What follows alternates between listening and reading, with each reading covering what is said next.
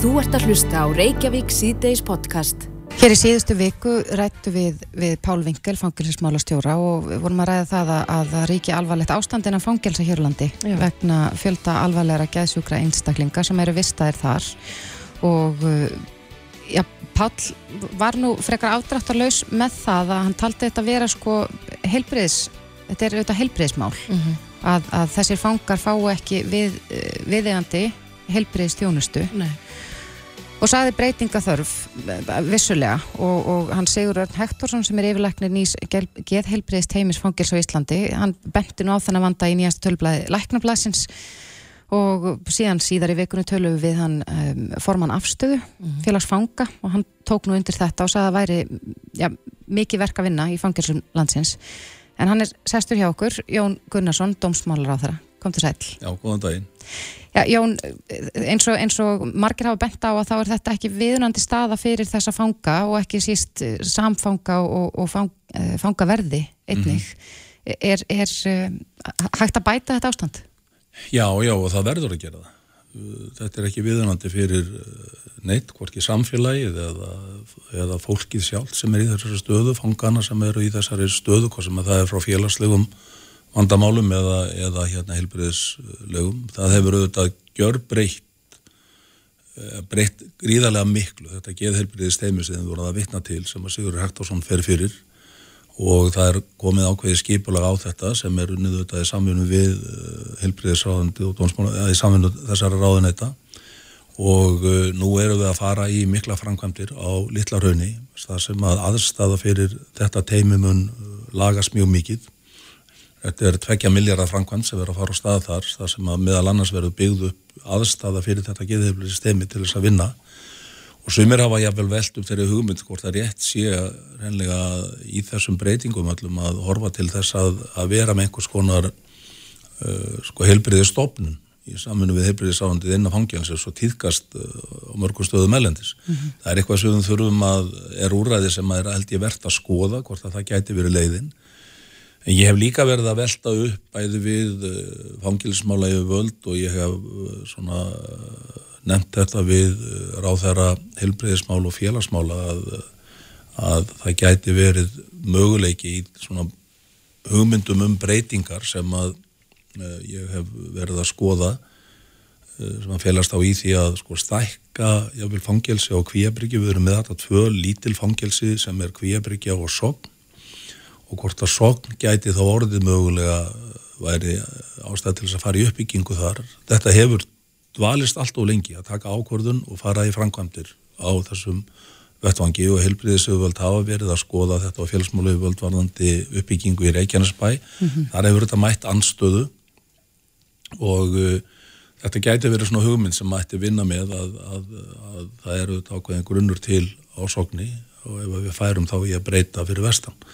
Þannig að við, við erum að skoða þetta frá okkar hlið, dómsbólaráðunetið í samfunum við fangilsmáliðuvöld, hvað við getum gert til þess að auka bæði afkostin í fangilsónum, til þess að bæta meðferð fanga, breytingarnar og litla raunum munu stíga, vera þar stórt skref, en eh, ég hef farið í uh, hluta af þessum fangilsum í heimsókn og ég var til að mynda mjög hrifin af því hvernig unnið er með fanga vestur og kvíabryggju við grundafjörð og endur koma fanga sem þar fari í gegnum mjög lítil inn í fangilsi nattur. Þetta Það er opinn fangilsi. Það er, já, þetta er öllu svona opinn fangilsi og þannig eru meðferðar úr uh, allt öðru vísi og nálgunin og uh, ég var mjög imponeraður af, af því að sjá svona árangurinn af því og hvernig þetta er nálgast og hefði, hef mikið huga því að við horfum til þess að byggja upp frekar á slíkum úræðum þar sem að ég rum, raunverulega betrun er að ræða. En ég ítrekka það að breytingin á litlarhunni mun einnig, eh, þar mun verða stórst gref stíl í þessu bara að því sem varðar snýraði sem sagt aðstöðu fyrir geðhelbriðist heimið og þá umönnun og, og eftirlit með þessum fungum sem við erum að tala um sérstaklega en einnig bara almennt séð að geta skipt upp í deildir og, og annað eh, á litlarunni. Akkurat. En svo ég sagði einna þá, þá tölum við við Guðmund Inga Þóratsson sem er, er formaður afstöðu og hann já, hefur auðvitað verið mjög hávar um það að hann, hann talar um fangelsin sem bara hreinlega gemslur og þar fari lítil betrun fram.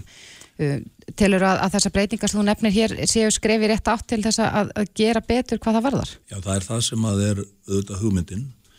Uh, þetta er markþættur vandi sem við glýmum við í fangilskerfinu og uh, við höfum verið að skoða núna, ég hef kosið að líta svolítið á þetta sem bara færiband, að segja allt frá því að ákjæra berst og, og það fer í saksókn og síðan þá í gegnum dómskerfið og síðan í afplánun og við þurfum að það eru svona nökrar á þessu færibandi og þeir eru meðal annars í fangilsmálum. Við erum til að mynda ekki að fullnýta fangilsun okkar í dag það er vegna þess að það hefur með breytingu vinnu tímans þá mm. hefur, hefur við ekki geta fullnýtt fangilsins. Það er mikið álag á fangavörðum og uh, það er eitthvað sem að ég mun byrði alltingi að horfa til með okkur að við þurfum að fjölga fangavörðum og við þurfum að geta þetta fullnýtt þau fangilsi sem við erum með mm -hmm. og það byggir bara á því að við þurfum að bæta aðsluð og öryggi fangavarða og, og hérna og þar með getum við farið að keira fangilsin, getum við sagt á fullum ákostum. Og, og, og gringa þessum bygglistum. Já, gringa á þessum bygglistum. Ég meina það er gríðarlega mikilvægt. Það eru þetta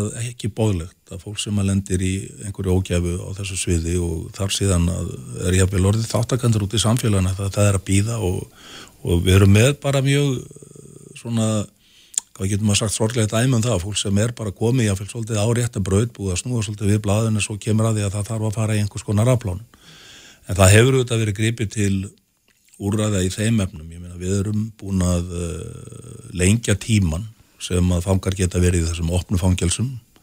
Fyrir sex árum að þá voru, var nánast engin í rafrænu eftirliti. Í dag eru mjög margir sem að kannski taka ár uh, í rafrænu eftirliti bara með öklabönd og, og slíkt þannig að eh, og eins svo úræði sem að vend býður upp á mm -hmm.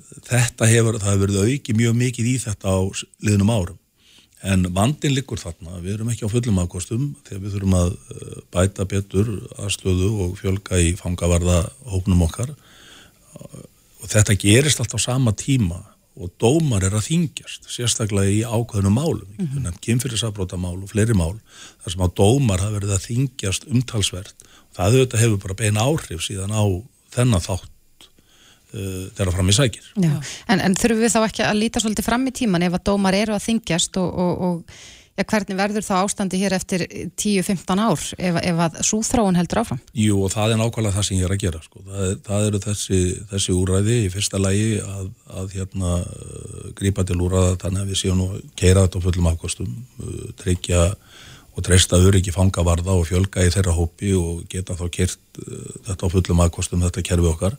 Og í öðru lægi að skoða þessar einingar sem eru litlar og sumuleiti óhagkvamar en aftur á móti með mjög góð meðferðarúræði, með góða betrun og sína uh, mikinn árangur í, í, í sinni betrun. Og fólk er að koma þarna út í lífið aftur og það er mjög lítil endur koma á því fólki inn í fangilsin að nýju það er auðvitað líka gríðalögur spartnaði fyrir samfélagið að fá þessa, þetta fólk út sem fullnýta þjóðfélagstegna og ég er mikinn áhuga á því og þessar hugmyndir sem ég var að velta hér upp með mögulegur uppbyggingu fyrir vestan og öðruvísi nýting og sokni uh, þetta er allt háttur í þessu. Mm. þannig að uh, ég get alveg tekið undir með Páli Vinkel uh, hangilsmálastjóra og hann hefur auðvitað gert mér mjög vel grein fyrir þessari stöðu og staðir sem mjög vel í að reyka þetta allt saman en, en við erum bara á þessum þröskuldi núna og það er auðvitað mitt þá að, sem ábyrðar ráþæra fyrir þessu að, að fara til alþingis og, og gera grein fyrir þeim framtíðar áformum sem að þá við erum að vinna í núna. Ég er ég verkvæðing til okkar til að vinna með fangilsmálustofnun í hverðin úttekt og hugmyndafræði um þetta og, og í framaldi af því að þá mun ég gera alþingi grein fyrir svona þessum hugmyndum og, og hef bara góða vendingar til þess að það, þar geti ég átt samstarf um það að við getum uh, saminu við fjármálar á þeirra sem að ég viðra þetta við líka að, að átt bara samstarf um það að fara að stíka í þessu starri skrefa því að við þurfum ymmit að horfa til framtíðar í þessu og við vitum hvað er að ganga vel og við vitum að við erum að gera marga góða hluti en uh, við þurfum að gera betur og við erum með óarsættilegan uh, bygglista. Mm -hmm. Ég langar ekki að sleppa þér hérðan úr stúdíónu án þess að ræða líka aðeins um góðstöðunar. Það hefur náttúrulega mikið verið í gangi, ég er í meradölum þá að nýjustu frettir, frettir já, bendal til þess að möguleg góðslög gætu verið á næstunni en við töluðum við Óttar Rapp Segumarsson formann Slísavartanfélagsins landsbergar hérna í vikunni og hann eh, í raun og verið var frekar afdrættulegsi því að, að björgunarsveitinnar kalla eftir aukinni viðveru lögreglu á svæðinu til -hmm. þess að já, skerast í leikin og, og, og framfylgja þeim reglum sem þarna gilda mm -hmm. þeir eru búin að ráða tvo landverð ekki satt? Jú, það er í burðaliðnum að ráða landverði ég held nú að reyndar að þeir þurfa að vera fleiri en tveir ef þetta heldur eitthvað áfram mm -hmm. en, en tekur undir það er, er, er það á teikniborðinu að, að lögreglan verði með aukin umsveif á svæðinu? Já, það ég meina það gefur bara auga leit sko. við erum auðvitað í þessari stöðu að björgunarsveitir okkar eru bakbeinið í almanvartin kervilansins þær eru fyrst og fremst hugsaðar þegar það kemur að neyðar atbyrðum, leit og björgun mm -hmm. og uh, bregðast auðvitað við þegar það fer að gjósa einhver staðar og eru í raun bakland lauruglunar í að halda upp í sko, einhverju forvörnum á, á svæði. Lauruglustjóranir bera síðan ábyrð á öryggi borgarana sem er að fara um þessi svæði og þetta þarf að vera svona samstarfsveitafélaga, lauruglunar og síðan björgunarsveitana. Og björgunarsveitnar er eins og við þekkjum sjálfbóðaliðar og uh, við höfum mikla þörf fyrir það að það fólk sé tilbúið í uh, allar þar aðgerið sem við köllum það til. Við skulum átt okkur á því að, að uh, á hverjum einsta degi ársins eru björgunarsveitir einhvers þar á störfum í landinu í einhvers konar verkefnum og þeirra starf er ekki hugsað sem almennt gæslu starf til lengri tíma eins og þarna á sér stað og þau taki þetta verka einu ansér og meðan við leysum úr þessu tímabundi og þessu fólk eru þetta aldrei ofel þakkað fyrir sitt fórðfúsa starfi þá er samfélagsins og ég vil færa þeim bara þakkir okkar allra enn og aftur fyrir það. Þannig að það blasir alveg við að þetta er mikið óvissu ástand á suðunusum. Ég menna okkar vísendamenn er að reyna að gera sitt besta til að spá fyrir. Nú eru að draga úr gósinu en við erum ný komin út úr ástandið það sem að á allt öðrum stað land var að rýsa og menn áttu jafnvel vonu því að það gæti farið að gjósa fljótlega og þar höfum við farið í gegnum ákveði ferli nokkur sinnum í landrisi og menn segja sko já, í tíunda skiptið sko síðasta lægi að þá fer að gjósa mm -hmm. þannig að við erum líka með almannavarnir í samstarfi við verkvæðistofur og sérfræðinga að reyna að vinna áallenar af því þegar það fer að gjósa annar staðar. Það sem ég er að segja með þessu er það að við þurfum að átt okkur á því að okkar færasta fólk á þessu sviði segir við okkur að nú séum við að fara inn í tímabil áratuga eða ég vil enn lengri tíma þar sem að gósvirkni verður mjög mikil á þessu svæði. Mm -hmm. og, og við verðum kannski með regluleg gós með nokkar ára fresti. Þannig að hvernig ætlum við að gera þetta? Hvernig ætlum við þá að standa því? Við þurfum þá að, að fara undirbúkur það undir það að standa frammi fyrir þessum raunveruleika. Og það áður á þá við svona fyrsta viðbrað en við þurfum líka að fara að huga því mjög alvarlega og það er í undirbúningi að þarna er orðin 30.000 manna byggð. Þarna eru miklar og mikilvægar samgöngu æðar, fjarskipta æðar við erum með uh, náttúrulega ramagslínur sem að þarna liggja undir innviða, innviða uppbyggingu í þeim. Og, og þetta gerir að mínum að þetta kröfu á stjórnvöldum að það verður farið að hugsa fyrir varaleiðum, fyrir neysluvatn, fyrir heitt vatn, fyrir raforku og og hérna Suðunisja línan er til að mynda eitt þáttur í þessu sem er mjög bagalegt að skul ekki vera náðbúðan að sáttum og við getum bara hafið framkvæmdi sem að landstætti tilbúið að hefja strax. En við þurfum líka að fara að finna aðrar uppsprettur fyrir neysluvatn og uh, heitt vatn á öðrum svæðum. Þannig að ef að þetta gerist til að mynda nálat svarsengi að þá séu aðrar uh, annað varaafl eða sagt, vara hérna uh, já, afl á þessu, það er að segja fyrir heitt vatn og kallt vatn og slíkt, mm -hmm. að setja staðar og þetta tengja það inn á þessi veitu kerfi. Já. við getum ímynda okkur stöðunum sem verður hérna ef þetta gerist að vetri. Þannig að uh, við erum í þessum fasa það er verið að fara að ráða landverið það er búið að auglýsa stöðunar, það er fullt af umsóknum. Uh, þetta gerum við í samfunnu við umhverfisráðanitið og uh, það er samstarfum millir ráðanitana í þessu. Uh, það gekk ágætlega síðast. Ég, miða við hvernig mannfjöldin hefur verið þarna þá þarf fleiri á svæði, björgunarsveitin að verða eftir sem áður bakbeinið í því ef eitthvað gerist mm -hmm. einhver týnist, einhver þarf aðstóð þá eru þær komnar um leið með sinn mannskap og búna til að sinna sinni sérhæðu þjónustu. Já, en ekki endilega gæslan sem slíka? Nei, ekki þessi daglega svona upplýsingagjöf og gæsla, það mm. er ekki á vettvangi björgunarsveitan okkar. Nei. Það er bara, við verðum að gera greinaminn á þessu þó, þó, þó að þessi skiplaði hópur sem getur gengið í raun í öllu verkefni sem krefja skipulagning og nota sitt kerfi, stýja inn fyrir okkur tímabundið í þessu þá þurfum við að virða það að, að, að það getur ekki verið ráðstöfum til lengri tíma. Nei, þannig að rétt eins og með fangilsmáluna þá horfið þið til framtíðar. Já, já, og ég er náttúrulega þekki þennan málaflokk alveg sérstaklega vel hafandi verið í þessu og mikið skilning á þessu og það er bara unnið að því núna og þetta er við erum að tala um daga en ekki vikur í í þessu sambandi. Ángilsmálunum er að horfa aftur til lengri tíma en, en hérna þar ég, hef ég góða vendingar svona á grunni þeirra vinnu sem við farið fram að, mm -hmm. að við getum síðar á þessu ári vonandi farið að bóða einhverja breytingar í þessu og, og svo ég nefndi full nýta fangilsum okkar, ebla fangavörsluna og aðsluðu þeirra, tryggjur ekki fangavarða e, bæta aðsluðu geð helbriðis steimisins og þá þjónustu við þetta fólk en í samvinnu við helbriðis og félagsmála yfirvöld og sveitafélug mm -hmm. að horfa til uppbyggingar á við, viðvarandi þjónust. Þetta er búið að vera nokkra ára verkefni sem að í raun kvílir ekki hjá dómsmálaráðandun heldur hjá öðrum aður. Já, Jón Gunnarsson, dómsmálaráðara, kæra þakki fyrir komina. Takk sem leiðis. Þú ert að hlusta á Reykjavík C-Days podcast. Við vorum nú aðeins að ræða um eldgósi hérna við Jón Gunnarsson, dómsmálaráðara rétt á hann. Já, já. Kanski ekki á fræðilegum nótum beint, en uh, samkvæmt uh, sérfræðingunum að Já. þá nálgast hraunflæðið lámarks þröskuld það hefur dreyið aðeins úr þarna.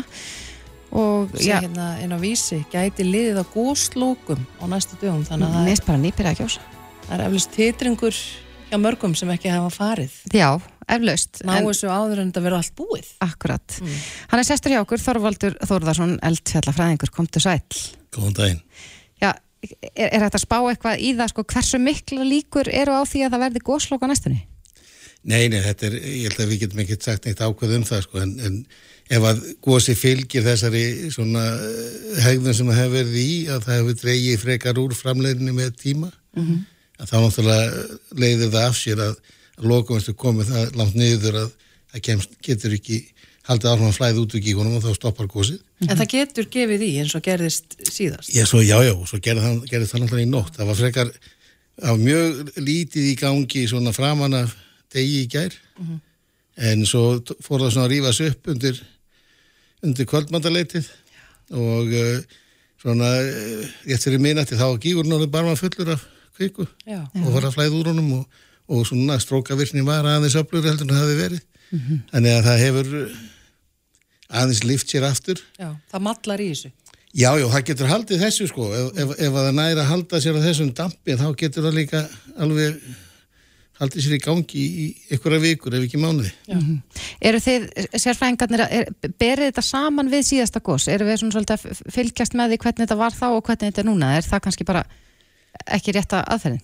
Já og nei, alltaf, við gerum það alltaf sko en, en uh, hvert gósi náttúrulega hefur hvað var að segja svona sína eigin personu Já. og það verður aðeins að stíla aðeins inn á þessa person, mismandi personleika þegar maður er að skoða gósin mm -hmm. og...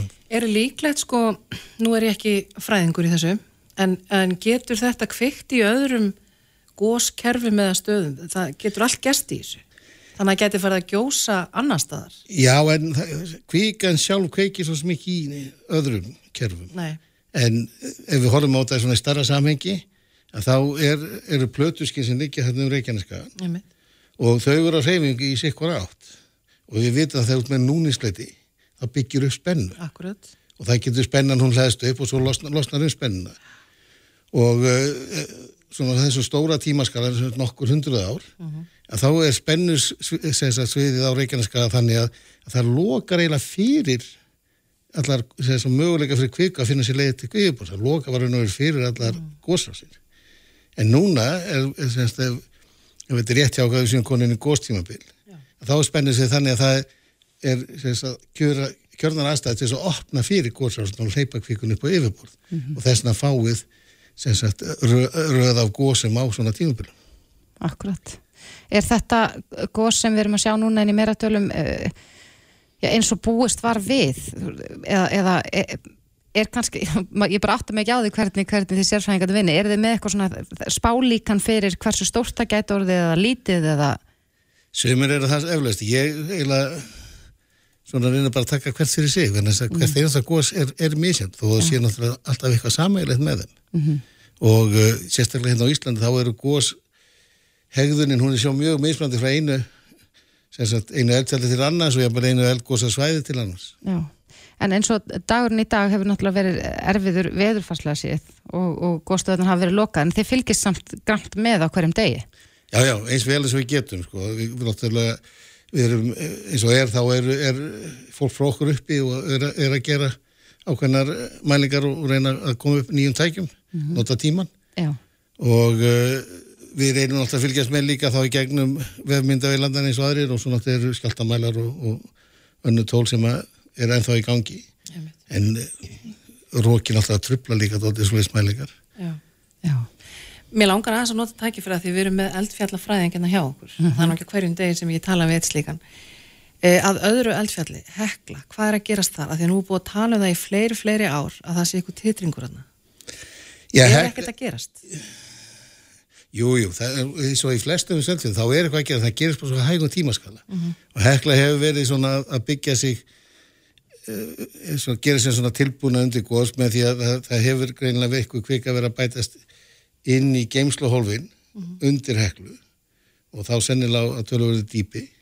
En að, að, að með við þær mælingar þá er Hekla komin sem sagt hérna, hvað var að segja, hún er búin að þennja sig meira núna heldur hún var fyrir síðasta góðs Hún er komið með nýju útvíkunni sem ég heyri eitt lýsa Já, já, já, er ekki já. Þetta er alveg að fara að gerast. Uh, í, kannski, Já, það veit kannski ekki. ekki. Og, og, og náttúrulega hekla, hún er, er bara svo mikil persóna að, að, að hérna, hún veit helst ekki láta neitt vita þig hvernig hún fer í gang. Nei, ég er nefnilega heyrt það líka, þetta er alveg magna. en er það fyrir séð að hún muni gjósa? Já, já, og spurningin er bara hvenar. Og það má segja það alveg um, um öll okkar virku eldfjöld. Er þetta ekki á tíu ára frestið, eða við meira? Hún, hún gerði það í stuttan tíma. Sko, frá 1970 til 2000, þá gaus hún svona cirka bara 10 ára tíma. Tí- En, en, en þar á undan, þá gaus hún yfir bara einu svona öld. Já, og svo hérna fyrsta sem sagt heklugósið á, á sögulegum tíma er árið 1104 og, og það er náttúrulega magna hvernig sagt frá því í annálun, það er bara heklagós í fyrsta sinn já. En nú eru svona bændur sem að lesa oft í veður og svona, þeir vita nú oft ímislegt þessi blessuðu bændur okkar. Þeir geta lesið í veðrið og oft segja, já, þetta veit á gós, þetta veit á gós. Ef að veðrið er búið að vera eitthvað sérstætt, er til eitthvað í þessu? ég þóri nú ekki að fullera neitt um það, er endilega þín fræði. veðurglöggi menn eins og, eins og okkar sjómenn líka sko að þá, en menn sjá þykast nú svona oft sjá teiknum það að, að, að, að eld, eldfjöld sé undirbúið sér fyrir gós og menn hafa talað um þetta eins og í heklu að, að þá hefur þóttnað í lækjum og, og hérna jafnir litlum tjötnum sko. Já, er það- það er eitthvað svona sem ég á lyfti við. sér sko. Er, og eins líka að, að hundarnir fara að haga sér undarlega rétt fyrir og það er ekki lóku fyrir það skoti að þetta sé, sé, sé fyrirbóði fyrir gósa kannski, kannski ég stundum betri fyrirbóði heldur en þessi nákvæmi mælitæki sem við erum með. Já. Er En. Afturinn í Meradali, eh, við erum, við erum að sjá að, að já, það dróða eins og virkninu að búið bætast aðeins í aftur. Ætli þetta verði svona næstu dag? ég á svona reikna svona freka með því en, en, að fara- þetta, en þetta er orðið það sko framlegin orðið það lág, hún er svona kannski eitthvað staðar á bylunu 35 rúmetrar og ef hún dettur mikið niður fyrir þrjá þá segja fræður nokkuð það að, að hérna það er erfið fyrir kviku að halda gósa á opinni ef að uppflæðið upp í gegnum hana er minni en 3 rúmetrar á sekundu þannig að það er eins og þessi þetta gós ég alveg komið að þessum þessum þólmörkum í raun og veru Akkurat. þannig að það, það, það getur alveg brúðist á báða vegur Já. En þeir sem eru ekki búin að fara og eru mjög uppteknir að því að fara, ættu þeir að fara að drífa sig? Ég Já, myndi- ekki í dag allavega. Nei, það fer enginn í dag, þannig að það er, er lokað Já. En eh, ég myndi nú svona að fara að huga því á að, að, að, að dríja með þetta uppbyttir og, og hérna það má líka geta þess að, að raunbungan sem er norðaustast í, í, í meratölum, þessi tóta sem gengur hérna norðaustur eftir hún hefur belst upp. Og það er greinit að, þingstin á hrauninu, nýja hrauninu er semst ef ekki bara ítt kviku hérna söðrættur og það, og það, sem að gauðs út aftur semst úr þessum brána kjarnar sem er í gamla eða 21 hrauninu í Merðal. Það er að maður sem bendir til þess að það geti líka gerst þarna norðamegin. Þannig að, að þú, fólk geti kannski slegið tærflugur einu höggi og fara að skoða gós og svo endur gós. Já. Það Þetta er spennandi. það væri nú eitthvað. Ég og enn þetta er að skella mér. En það, það er örugglega ekki algengt að geta séð slíkt. Þetta er fyrsta skipti sem að, að ég veit af því að þetta hefur gerst. Þó svo að, að, að það hefur án efa gerst mörgu sem áður í, í jarðsögunni. Já. En þetta er þessi fyrsta skipti sem við sjáum. Þetta er alveg túrista bomba bara. Algjörlega. Já, Þorvaldur Þórðarsson, eldfjallafræðingur, við þökkum þér kærlega fyrir komuna. Já, bara takk fyrir mig. Þetta er Reykjavík C-Days podcast. Í morgunblæðinu gær byrtist viðtal við Jóhannes Kára Kristinsson auglækni á auglækna stöðinni augljós og þar sem hann sagði að, að helbriðsefjöld og sjúkartryggingar hafi brugðist skildu sinni og að það væri graf alvarlegt ástand meðal auglækna. Talaði til dæmis um, um að, að nær 60% auglækna í Íslandi eru 60 ára eða eldri og af þeim 30 sem eru 60 ára eða eldri eru 16 komnir yfir 70 og fólk getur þurft að býða í, í já, tvö ár eftir Aðgerð. uh, aðgerð. Já, þetta er svakalegt. Já, hann er sestur hjá okkur í dag Jóhannes, nei Jóhann fyrirgjöður Ragnar Guðmundsson, formaður auglakna sambands Íslands, kom til sæl Jó, sæl og blessuð. er, er þetta alvarlegt ástand að þínu mati? Tekur undir með Jóhannesi? Já, þetta var ágætti skrein sem var skrifið og, og, og tók nokkra punkta sem að, að eru svona og, og lýsa ástandinu. Um, að reyndar eru þrýr starfandi auglagnar yfir sjötugt og, og hérna, hinn eru nú vantarlega í hættir að vinna og, en það er, uh, stjettin hefur, er hún eldri, svolítið eins og er að gera sem er lækna almennt og, og það er mikilvægt að fá náttúrulega gott fólk heim. Byðlistinn er tvö ár, já, hann er of langur, þetta er van fjármagnað dæmi. Þessar aðgerðir, þessar uh, augsteina aðgerðir sem að, að Jóhannes bendur á að taki nú tíu mínútur en þó maður átti svo nú á því að það hljóta að vera undirbúningur og, og fleira sem að tengist þeim. Þetta hefur færst rosalega í vöxt og, og er þetta ekki helst eldri einstaklingar sem að, að fara í slíkar aðgerðir? Jú, einmitt, þetta er eh, mjög góða punktur, þetta er, þetta er meir en tíu mínútur, það þarf að undirbúa, það þarf að ræða við sjúklingin og gefa augdropa og undirbúa áður en aðgerði gerð, svona hálftími allt ferli í kringum þetta og fylgja sér eftir. Eh, jú, við okkur hefur fjölgað, eh, ég myndi, við höfum reiknað út að þörfin er svona 3300 aðgerðir á ári. Eh, og það er oftast þannig allir fá skí og augastinni, auðvunist þeim eh, lengra líf. En það er líka ungt fólk sem fær þetta. Og síðan ef við þurfum að gera aðrar aðgerðir eins og sjónhimn og glerhlupskurðaðgerðir að þá fær maður skí og augast einn fyrr og þar, þá getur við verið að tala um ungt fólk líka. En svona bygglistar eins og við erum að tala um, ég meina, hefur þetta ekki slæma áhrif á, er, er þetta svona akut aðgerðir og ef fólk býðir svona lengi þá verður kannski ástandið mun verra? Jú, sko, þessar aðgerðir eru, eru aðalega fyrir fólkið bara verra og verra, það kannski reynir að kaupa sér gleru og þau hjálp ekki nú vel að því að skí og augast einn veldur því að það er bara verra að sjá út, það er meiri dimma og sérstaklega í, á myrkri og þá er meiri hætt að maður detti og þetta er aldra fólk og, og, og lífsgæðin e, minka.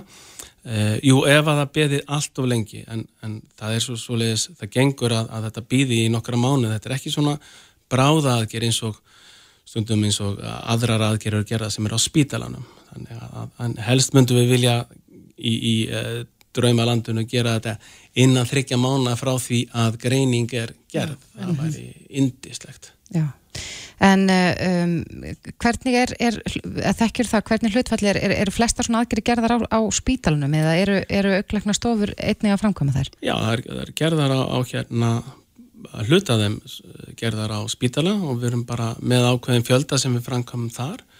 Og síðan eru, er, hefur við bóðu út af sjúkartryggingum ákveðin fjöldi og, en það er ekki nógu mikið til þess að sinna þessari tölu. Þannig að það, það vantar upp á. Það vantar upp á En að, ári að starfstjettinni ykkur, auglæknum, hver, hver er ástæðan fyrir því að, að, að auglæknar, það er skortur á þeim, sérstætt eru færri sem fara í nám, eru fleiri sem fara út, eða sérstætt erlendi sem nám, kom ekki tilbaka, hvað er? Þetta er mjög góð spenning við erum að eldast og það er hópur sem er að hætta þannig að þá sjáum við fram á enn meiri skort og það vantar auglækna núna en það eru ég var eitthvað að kíkja á þetta á spítalunum, við erum að hópa hana cirka átján í námi eða búin að læra og við þurfum náttúrulega að fá hluta af þeim heim, við þurfum að hafa enduníun og þetta fólk þarf að komast í það sem það vinnu við, það vil kannski vinna með ákveðnar skurðagerði sem eru gerðar, já stundum á landspítalunum, stundum utan og þá þarf að geta tryggt að þið fái ánægi af sínu starfi og við þurfum að vera samkeppnishæf. Og þessir aðeila vinna oft bæða spítalanum og á stofum af því að ég vil taka fram að 70.000 komur voru síðast ári á fyrir utan spítalan og 20, rúmlega 20.000 komur á spítalanum þannig að þessi tvö kerfi eins og Jóhannes Benti réttilega á þurfa að vinna saman sko. mm -hmm. þetta, er, þetta, er, þetta er eins og eitt stórt skip að, að þetta er eh, eins og núna í sömar voru auklæknastofur lokaðar og það var gríðarlegt álag á uh, aukdeldinni og á deildalæknunum okkar Akkurat. þannig að er, þetta er allt sama spurning um jafnvægi. Já, en, en eins og hann Jóhannes benti á að, að nú hafa samninga verið laus í, í fjögur ár og að, að sko nýjir sérfræðingar hafa átt erfitt með að komast á samning. Það held ég núna, það var þannig fyrir tveimur árum og það var örðu mikil mótmæli og, og ég, ég, veit, ég veit ekki betur en að Tryggingastofnun skrif upp á og maður komist á samning uh, þegar að ungir læknar koma. Það eru tveir læknar að koma í haust, auglæknar og hérna ég veit ekki betur en þeir þurfa að fá náttúrulega við þurfum að geta velað á heim og að þeir þurfa að það er fagluðu metnaður og mm -hmm. þeir eru náttúrulega að koma ofta frábærum stöðum og, og það er heilmikið mál að koma með fjölskylduna Akkurat, en, en uh, mættu sjúkra tryggingar gera betur í að bjóða út þessar aðgerðir til þess að hægt væri að gringa á þessum bygglistum? Já, þetta er, þetta er náttúrulega laung og afar flókin saga þegar maður setur sér nýtt í gegnum tíðina það á tímabili var bara þryggja mánaða bygglisti þá var það áttak, það var fyrir nokkrum árum og, og uh, síðan hefur, hefur, er kerfið van fjármagna, þetta snýst nú um það. Hún Steinun Þórðardóttir formaður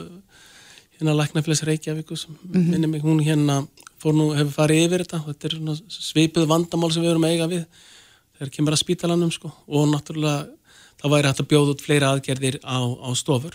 Já Myndi það, það þá minka listan? Algjörlega. Mm -hmm. það, er, það eru uh, auklækna hér sem geta unnið og gert fleiri aðgerðir. Svar já. Akkurat. En svona almennt séð, hvernig er augn heilsa íslettinga? Hún er mjög góð og það er góð, gott aðgengi af uh, sagt, læknum, sérfræði læknum. Það er, sér, það er ekki að, að fá uh, einhverja beðinni frá heimilisækni til að komast til auglæknis og en við þurfum að passa upp á þetta kerfi. Við erum búin að vera að hlaupa ansi rætt, ansi lengi og núna eru þessi þessi enginni þessi enginni hópurinn er eldast og, og uh, við sjáum og finnum greinilega að það vantar og þá bjóðum við hættunni heima að missa af einhver eða að einhver verði mun verra, ef ég tek til dæmi sjónhimnu og, skur, og hérna klærflöpskurlækningar sem er mjög fáir rauninni vita um að þá eru sjúkdómar eins og ef maður hefur sikkusíkja, maður getur fengið blæðingin í auga, það eru sjónunu los og himnur í augbotnum og þess aftar sem að kannski er ekki mikið í umræðinni mm. en þetta eru sjúkdómar sem þarf að þeir þurfa að koma stað bara um, fljótt ef að, ef að, ef að hérna, þeir þróast. Mm. og síðan til dæmis skláka, það er bygglisti, það þarf að passa upp á það, það eru margi sjúkdómar sem það þarf að passa upp á. Mm -hmm. Heldina finnst mér að hafa gengið vel í gegnum árin en, en þess vegna er þess að greina ágætt e, gott til að minna á að Já. við þurfum að vera á fótunum og það þarf að breyðast við og gera okkur samgeinisaf. Erum við að búa til tvöfalt kerfi með þessu, með því að, að, að e, Já, þessu sé ekki kipt almennilega lag? Já, ef að bygglistin er langur þá endar fólk á því náttúrulega ég vil fá uh, bara að ég nenn ekki að býða eða ég, ég get dotti, ég get meitt mig, ég vil það ekki, lífið er stött og, og, en það er líka annað þessar, þessar aðgerið sem er gerðar, sumar að sem aðgerið sem er gerðar þá getur þau fengið flóknari linsur þannig að þið hafið fókuspunkt sem er ekki bara langt frá þér það heldur líka langt frá þér og nálat þér mm. og ríkið tekur ekki þátt í þannig kostnað þannig að þetta er spurningum líka hvað þú færð úr aðgerðinni sko Akkurat. Já, Jóhann Ragnar Guðmundsson, formadur augleikna sambands Íslands. Kæra þakki fyrir komuna. Þetta er Reykjavík C-Days podcast. Núna í vikunni bárust fréttir úr Herjólfi mm -hmm. og uh, já, bílalifta Herjóls kramdi tvo bíla og uh, þetta gerist í þannig að einhver rakst í takka í brúskipsins með þeim afleggingum að liftan fór niður og, og kramti þessa bíla. Það var enginn farþegi staðsyndur á bíladekkinu þegar að slesi varð Nei, en hins vegar er ekki óalgengt að það séu dýr í bílunum mm -hmm. uh, inn í herralvi og formaður dýravinnafélagsins í vestmannheim að, að eh, segir sko dýravinni tala fyrir döfum eirum þegar kemur að auknu öryggi dýra í herjálfi hafa undirbúið undirskriftalista þess að að fá þessu breytt.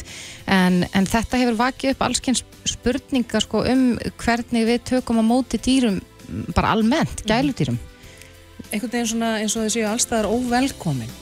Já, það er ekki mikið um það að, að, að dýr séu svona hér og þar inn í verslunum á veitingastöðum og, og þetta er eitthvað sem maður sér, sér týðkast uh, erlendis. Já, mjög víða. Akkurat. Mjög víða Hún er komin til okkar, Hallgerður Haugsdóttir fyrirvændi formaður Dýravendarsambands Íslands, kom til sæl. Já, komið sæl. en, uh, bara rétt aðeins í upphafi Hallgerður þú ert líka í mannfræðin á mig þar sem þú ert að rannsaka, hvað, segðu okkur aðeins frá því. Ég er ekki komin alveg í rannsóknar hlutan en er, er svona að kynna mér félagslega stöðu og svona, hvernig við staðsetjum dýr félagslega. Já, Og það er svona, svona ákveðin vitt þar sem við erum sko öll okkar félagslegu hugtök eiga raunverulega bara við um mannin og svo hvernig við nýtum dýr. En við erum svona daldið á eftir með að finna hugtök fyrir þau þegar við erum með dýr sem við höfum svona meira staðsett sem fjölskyldumæðlimi. já Sem að við einmitt gerum gerna við gæludýr. Akkurat. Og, og uh, já, nú vegna þess að kannski uh, ástæðan fyrir að við erum með því hér er, er þessi umræða varandi herjólf. Um, mættu við vera opnari sem samfélag fyrir því til dæmis bara að, að þegar fólk er að ferðast með dýrin sín frá vestmannum og upp á landið öfugt að, að dýrin séu meðferðis upp á dekki. Þetta sýnir bara aftur hvernig við gerum ekki ráð fyrir dýrum. Ég myndi ekki segja þetta sé beininnis fjandsamlegt dýrum með að hugsa þannig, heldur meira bara við gerum ekki ráð fyrir þeim í þessari félagslegu stöðu sem þessi gældir vissulega eru og það eru eigendurni sem skilgreina það. Þegar við fáum okkur dýr sem við staðsetjum sem fjölskyldumæðlim, þá er það okkar upplifun og þetta er val, alveg eins og þegar fólk velur eiga börn. Þetta er löglegt, eðlilegt val að velja eiga gældir. Þannig að það væri eðlilegt að reikna með þessu. Og ég segi bara kútos til krakkana í Vestmannegjum, ekki gefast upp, halda áfram þessu sko. En það er nú eitthvað verið að opna þetta hérna með því að reyna að hafa já, einn dag í viku fyrir gæludýrin að koma til dæmis í kringluna hef ég hert. Mm. Það er kannski eitthvað Það voru nýja fréttir núna líka að nú, með, má fólk koma með hundarna sína á miðugutaskvöldum í fjölskyldu hústýragarðin Já. og það er ákveðna reglu sem gilda og það þurfa að vera umhverfistjálfaður hundar og svo framvegis. En þetta er allt saman svona skrefi rétt átt. Og ég myndi benda á það að það eru 20% heimil á Íslandi sem að halda hund. Já. við erum að tala um einn fymta af þjóðinni. Og ég til dæmis, svo ég nefni annað dæmi um þetta ég kemst ekki í sumabústað í mínu stjættafélag Nei, því að hundar eru ekki leiðir. að því hundar eru ekki leiðir þar. Þeir eru leiðir hjá vaffer og fleiri stjættafélagum stjættafélagi mitt einfallega tekur þá afstöðu að leiða ekki hunda. Og ég held sko að þessi, þetta í herjólfi þetta tilviki herjólfi, ég bjónur endar einu sinni í eigum og þá gæti ég nú valsa með hundir um tilfarið og það saði engin neitt í því. Ég held að þetta sé í raun og veru bara útfærslu atriði og áhuga en En, sko, mér langar að spyrja eins út í eins og þetta með sömarbústæðina. Það er nú ekki langt síðan að við sáum að hótel eru farin að leifa gældir. Hver eru rökin fyrir því að leifa ekki gældir í sömbústum? Er, er þetta út af ofnami? Það eru engin rök fyrir því og ofnami er ekki rök. Ef að fólk er með ofnami þá er þetta að taka frá sumabústæði fyrir það. Já. Það eru miklu færri sem eru með það að ofnami get ekki tekið lífið í og þetta er nú bara eins og hvað annað sem að fólk þarf að stríða við leiðilegt en, en er þannig. Þetta er einfallega ákvörðun hóps af fólki sem segir við nennum ekki að díla við það sem fylgir í að leifa fólki að fara með hundarna sína. Nei. En við erum svolítið aftalega meirinni hvað þetta varðar við, með aðra þjóði því að það er nú ekki langt síðan að hunda já, hundahald var leift og banninu var aflétt. Ég held að það hef verið 30. júni 2006 þannig að það er kannski ekkit skrítið ef við sem ekki komið lengra en þetta. Það var breyting sem fór hljóðlega þar sem að skilgreiningi var, var úr hundahald bannað og lift með undanþáum og yfir í hundahald lift. Þetta hefði átt að raunverulega ve- fara herra, fólk var ekki svo vart við þetta en þetta var löngu tímabær breyting. Já. En já, sko, ég sé samt mörg skref í rétt átt. En sko mitt svona persónulega svona sérstak áhugamáli þessu tilfelli er hvaða orð notum við yfir þessi dýr sem hafa mjög djúft, tilfinningalegt og félagslegt hlutverk fyrir einstaklinga. Hvaða orð notum við yfir það? Við erum bara með orði gæludýr. Við getum, við getum verið með hliðstætt fjölskyldorði svo sýstir eða bróðir eða fóstri eða skilji við, við Dóttir eða sonur, Já, ég sumir hefur nota það en Já. þetta er náttúrulega ekki dætur og sinnur okkar. Þetta eru, þau eiga ekki sín eigin orð, Nei, en eh, svo eru sumir sem tala bara um, já nú eina vinkunum sem tala alltaf um loðunu sýstu sína. Já, er það er hundurinn, já. loðna sýstirinn. Sem við tala um æfivini og æfifélaga sem er mjög fallet orð líka. Hundarnir náttúrulega lifa skemur og getinir og dýrin. Þannig að við erum æfifélagar þeirra. Það er mjög fallegt. Já, þetta er mjög tilfinningaríkt fyrir marga. Já, Eða all flesta held ég bara sem eiga gælutýr. Já, það er, já, myndi segja það. Það er svolítið mismöndi hvernig fólk nálgast þetta en fyrir það fólk sem er með bara tilfinningarlega tengslit í þá er gríðarlega mikið tillitsleysi að rekna ekki með því. Ég fer ekki í sumabústað án hundarnum minn. Nei, Nei. Það er ekki frí fyrir mig að skilja þau eftir á hundahóteli. Nei, einmitt. En þú segir að, að það séu uh, þó, við séum þó búin að taka einhver jákvæð skrefi rétt átt.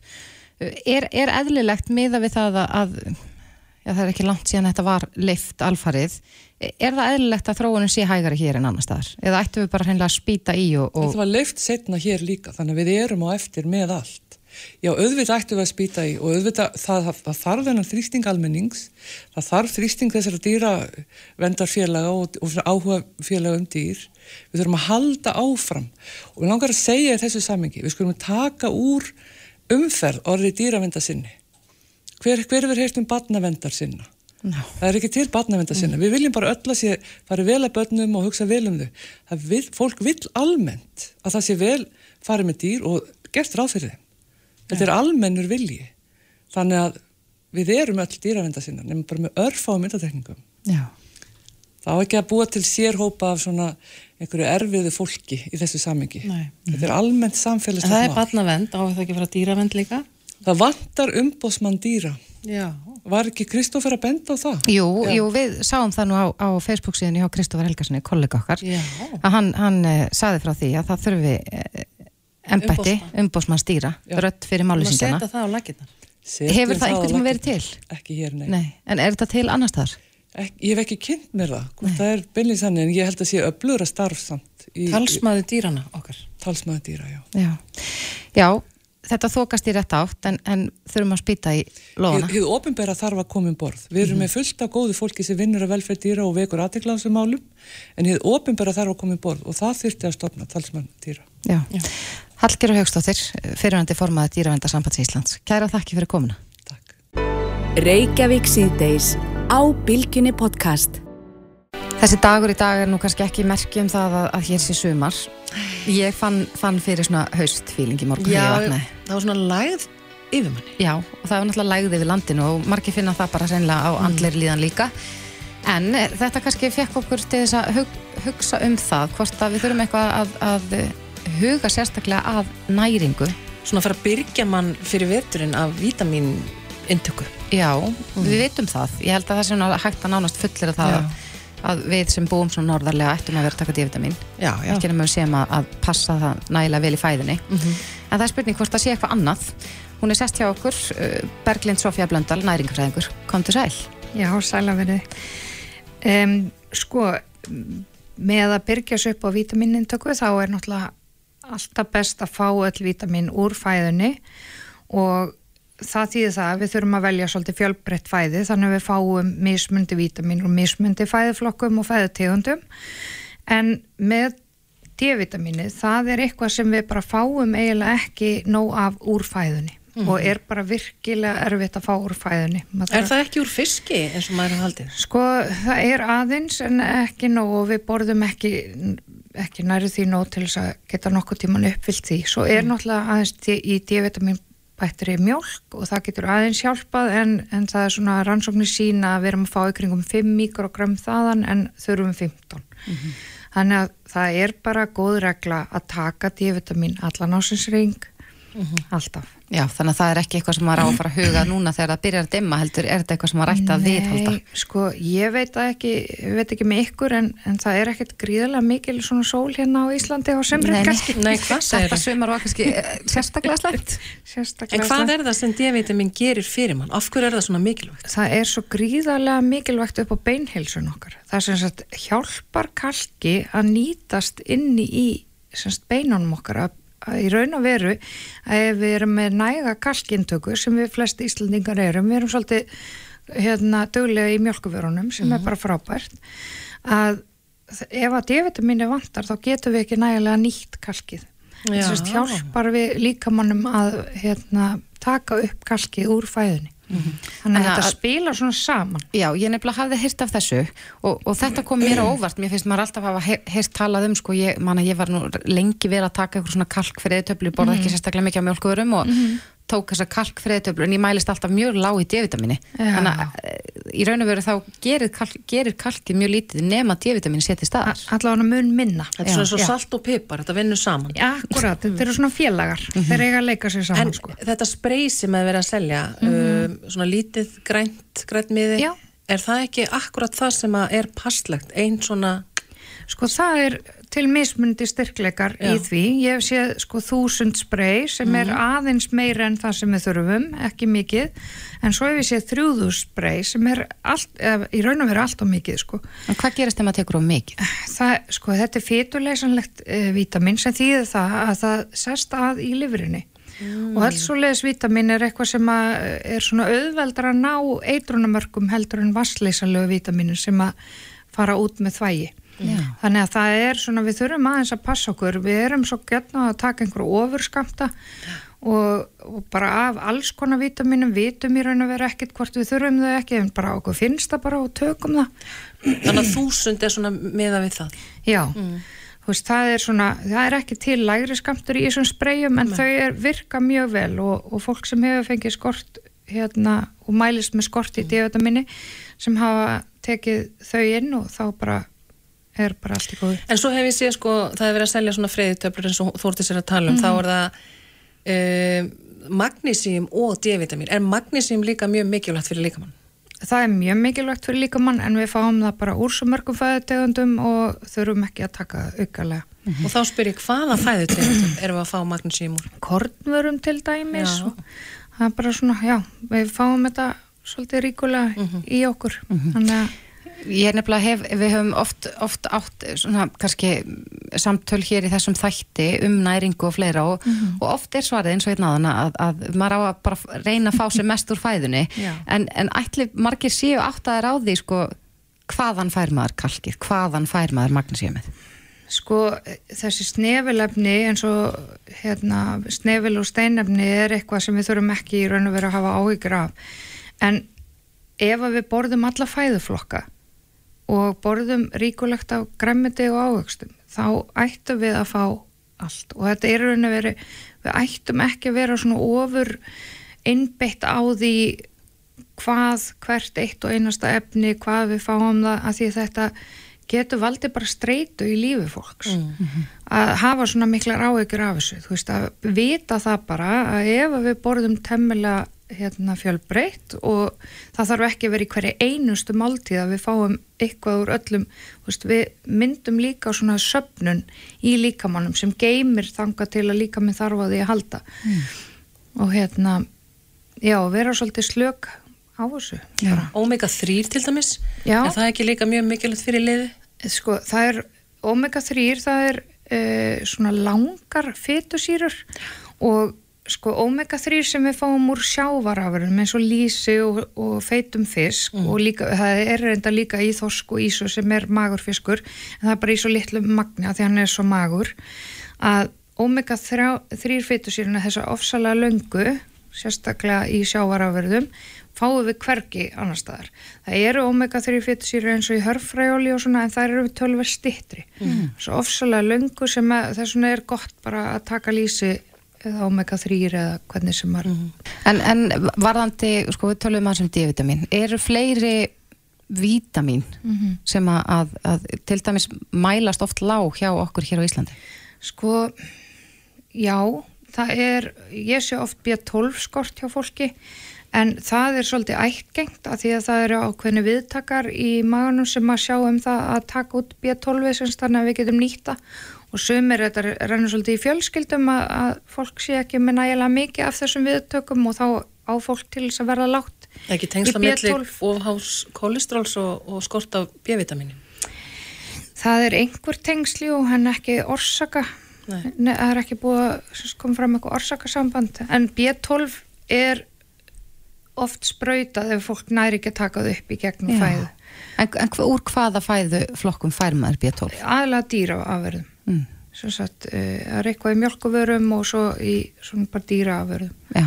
og það er nánast ekkert B12 í svona plöntufæði þannig að ef maður er til dæmis vegan að þá þarf maður að huga því sérstaklega. En það er eins og næringager margir nota það sem eru vegan. Það er B12 bætt og svona Já, maður þarf bara að huga að þessu. Akkurat. Þannig að, en, en flestir eru bara með góðan B12 forða. En hérna það eru þessu einstöku sem að koma og mælast. Og svo eru mjög margir sem mælast lágir í D-vitamíni. Finnst mér þess að það svolítið vera að aukast núna því það var svona vakning með D-vitamíni og allir voru að taka D-vitamín svolítið. Og tímbil og valla sá maður skort en svo allt í núna er ég að sjá mikið og sérstaklega kannski meðal ungsfólk Hvað getur maður látið mæla sig hvað vantar af vítaminum í líkamassin? Sko, þetta er nú ekki yfirleitt ekki eitthvað sérstaklega mælt nema kannski fara að byggja um það en það er bara í gegn blóðpröfu sko En, Það en þessi. myndi maður finna, ok, ef, ef ég var að glíma við D-vitamin skort eða B12, myndi ég finna það? Já, bæði D-vitamin skortur og B12 skortur það er svolítið tengt svona þreytu, sleni, finnast vöðvarnir ekki vera kannski alveg að virka maður er svona, svona þreytur og slenaður svolítið. Það er eiginlega svolítið líkt og ef einhver hefur upplegað játskort, þú veist, þetta er svona svipuð enkenni svolítið. Já. Það er svona slen. Já, Já, þannig að ef maður finnur slíkt að þá myndi maður já, líklega Kannski leita til læknis og, og, og þá er þið það aðtöð. mhm. Akkurat. En svo er það þannig að, að rannsóknir sína það að bara þeir sem taka D-vitamin eru ekki með D-vitamin skort þeir sem taka ekki D-vitamin eru með D-vitamin skort Það er ekki flóknara en nánast undantekningalöst sko. Já. Þannig að það borgar sér bara að taka D-vitamin að því við fáum það eiginlega ekki úr neittni fæðu nema hún sé D-vitamin bætt sérstaklega Eins og mjölkin. Já, En eru margir sem drekka mjölk en þá? Eru Já. við ennþá að drekka mikið af mjölk? Já, við, En er það ekki allt í lægi í Jú, hófi? Gott jú. fyrir bein og kalk? já og- alveg frábær sko, kalkjafi, algjörlega frábær Já. og við nýtum að mjög vel Mhm. úr mjölkuveru Þannig að það er gull, gullareglan að reyna að borða allt úr öllum fæðiflokkum. Mikið áhugstum og græmiti, það er eitthvað sem er gott fyrir alla og við borðum bara alls ekki nóga fyrir samkvæmt nýjastu landskonur þá erum við svolítið lélið þessu Mhm. og bara ekki það endilega okkur finnst það vond þetta er bara held ég ekki mikið í okkar vana Nei. þurfum svolítið að minna okkur á þetta Akkurat. Já, þetta er áhugavert og, og, og góð upprifin og svona Já, áminning fyrir fólk. akkurat. Taka D-vitamin allan ársins Já. ring, öll sömul. ef maður sleppið í 2-3 mánuði þá er maður svolítið gætna að gleyma því að byrja aftur Já, Og eina matskeiða lýsi. ein matskeiðlýsi, þá þarf þetta ekki að taka aukarlega D-vitamin, það er D-vitamin lýsi já, þannig að er að slá tvær flugur í einu höggi með lísinu. kemur skapinu lag Já, það ekki. Berglind Sofía Blöndal, næringafræðingur, kæra þakki fyrir komuna. Já, takk sem leðist, takk fyrir mig Hlustaðu hvena sem er á Reykjavík C-Days podcast. Við höldum áfram hér í Reykjavík síðdeis og uh, ég hef tekið eftir því í dag inn á dvaf.is að það voru tekjudagar.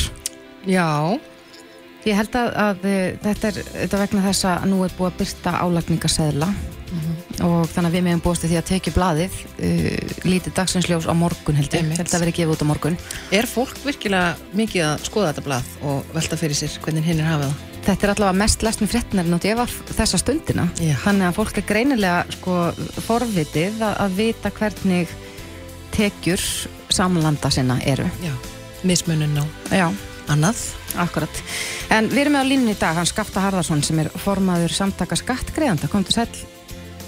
Komið sælar. Herr Skafti, hvernig, hvernig leggst þetta í þig, þessar fréttir af tekjum uh, Íslandinga? Þetta, þetta leggst eins í mig eins og öll undan ár. Bæði þegar þegar við spjalla við eða þegar ég orði að bera þetta í hljóði. þetta hérna, þetta er auðvitað höfða til legsta samnefnar sem hægt er að hugsa sér sem er sko öfund og hérna og forvitni og þetta er eitt af þess sem að eh, undra mig alltaf jafn mikið að ríkið skuli ofnbera á hverju ári. Já. Uh, ég hafði held ég orði á síðast ári og glemdi því miður að framkvæða að það væri til þess að byrta bara á sko vef hérna samtaka skattgöðanda uh, skattaupplýsingar allra starfsmanna skattsins annars vegar og svo uh, þeirra sem eiga að gæta þessa persónu upplýsingar berist ekki almenningi og hérna hjá, frá henni ofnbera Mhm. uh, nú það er oft talað um það að þetta sé ekki dóðilegt vegna þess að þetta sé bara upplýsingagjöf sem eðlert sé, sé að veita. En ég lít svo á að, að það er engin munur á útgjöldum og tekjum fólks, uh, ekki alltaf að nýtsast í það í hvað fólk er í penningunum sínum. Nei. og ég tel í rauninni að þarna sé ráðist bara hreinlega þriðhelgi heimilsins Já, vegna þess að, að tekjur uh, fólks geta aðeins, því aðeins verið ofnberar að annars vegar aðunegandi og hins vegar viðkomandi lögn því samþykki fyrir sína halva þetta sé gefið upp. við höfum auðvitað séð mikla breytingar á persónuvernd og lögjöf hér á landi undanfarn ár með tilkomi Evropureglugerða og fleira í Já, þeimtur. það, hefur ekki hjálpað í þessum efnum Nei, eins merkild og það er og ég tel það vera engungu tilkomið vegna pólitísks þrýstings Mm. að það hefði ekki verið gert og, og hérna og það er náttúrulega enn auðmar að það er menn fjölmjölar að gera sér þetta férþúi en, en auðvitað sækja menn í þær upplýsingar sem að þeim eru veittar og ég svo sem ekki þetta þannig lagað að áfellast á fyrir það akkurat. en, en ég er kannski sárast út í viðnum minna visslublaðinu sem að hérna, hafa gaggrind þetta árum saman og, og gefa núna út sérstatt tekiblað að því er kipti frálsa vestum. Já, en, en heldur þetta ge- gefa þessi, þessi umfjöllun í fjölmjölum, heldur þetta gefi rétta mynd af, af launatekjum fólks? Nei, já sko, þetta gefur þokkalega mynd af launatekjanum. Þetta gefur hins vegar ekki rétta mynd af hildatekjum fólks. Nei, Vegna þess að það eru skattar sem að þarna er ekki í eða réttar að það eru tekjur sem ekki skattast með þeim hætti sem að þarna gefur upp. Svo að, að það er í sjálfu sér alveg uh, hérna hægt að spá í það hversu réttið er og svo eru líka aðeina sem ekki skila skattframtölum til dæmis í mm. tæka tíð. Þeir fá á sig áætlun og geta orðið fyrir bráði skattakongar. Þetta voru nú nokkur aðeina ráðið fyrir sem að beinni slieku þetta veikja sig aðtikli með því einfallega að láta áætla sér skattin. En, en hérna, þetta er fyrst og fremst er þetta bara að mér finnst frekar uh, hérna, hvað að segja nú kannski ekki taka ofstært lóða en, en mér finnst þetta bara að höfða til hluta sem að við hefum ekki með nokkurum hætti að vera að gera okkur mat úr. Nei, en, en það virðist þó, og svo, svo, og svo er hitt líka sko að því að svo grípa menn alltaf til þess að segja þetta sé gott til eftirlits og skatt eftirlits og annars líks það verður ekkert með það að gera. En það það er tekið sem við sjáum þarna það eru auðvitað það er tekið sem eru gefnar upp og það er engin nágranni þess umkomin að veta tekjur náunga síns það, það er ekki flókið nei, en þetta virðist eh, þó vekja aðtekli fólks og, og margir sem að bæði Já, en- en- en kaupa sko- blaðið og lesa fréttinar. Já, en, en er það réttlæting á uh, því að brjóta trúnað að það vekja aðtekli? Það get ég nú ekki séð. Þú veist, ég vil frá hvaða fréttasjónum sem er það að ganga uh, svona freklega á, inn á trúnaðarupplýsingafólks og byrta þær án þess heimild, án heimilda. Mér finnst það ekki aðriði hvort það vekur aðtekli eða ekki eða hvort það selur blöð. Ég, ég, ég meina við erum að forvitin að einhverju marki Eh, það segir sér sjálft og, og ég, ég sjálfur til dæmis fæ að fyrir ásköðandi viðskilblæðina fæ ég sendt tekjublæðið og ég hendi í beint út í tunnu Já, þú lest það ekki eins og og opna það. Nei, Nei, því mér finnst það bara ósmekklegt. akkurat. En, en er þetta bara síns tíma? Heldur, heldur þetta muni halda svona áfram Ég- í ára ræðir? Meðan að pólitíkin er eins og hún er að, að þá held ég að, að þeir sem að hér er að gæta hérna, persónavenda ok af okkar halvu þeir begið sig fyrir því að, að það er pólitísku viljið til þess að þetta haldi áfram. Þess vegna held ég að þetta haldi áfram. Og, og ég, ég vissum að uh, það, það er auðvitað að uh, byltingur og skoðanakönnun sem að, að það sem er kemur í ljós að meiri hluti fólks væri þessu hlindur en meiri hluti fólks á ekki að hafa með þetta að, segja sko. þetta er bara trúnaðar upplýsingar sem að er ofinbera með ósmeklegum hætti, hætti gerir ljósar það, það bara það á ekki að vera neitt sem að er það er bara eins og lækna, upplýsingar og læknaskjölum ég sé enga muni þetta Nei. En þú telur líka að, að gæti þetta vilja- alveg á það öfund og... lesa- Já, það gæti margir vilja lesa slíkar upplýsingar nú læknaskrá, en það er ekki það misvægt að ég byrsta þér Nei. Já, þetta er áhugavert og, og, það er spurning hvort þetta muni vekja mikið umtal á morgun, þessi byrting. Já, það, það gerir það á hverju ári alltaf Já, það, það er bara þessi eðli skilur það er til miður já. Skafti Harðarsson, formaður samtaka skattgreðenda. Við þakkum þér kærlega fyrir. Takk sem leiðis Reykjavík síðdeis á Bilginni podcast.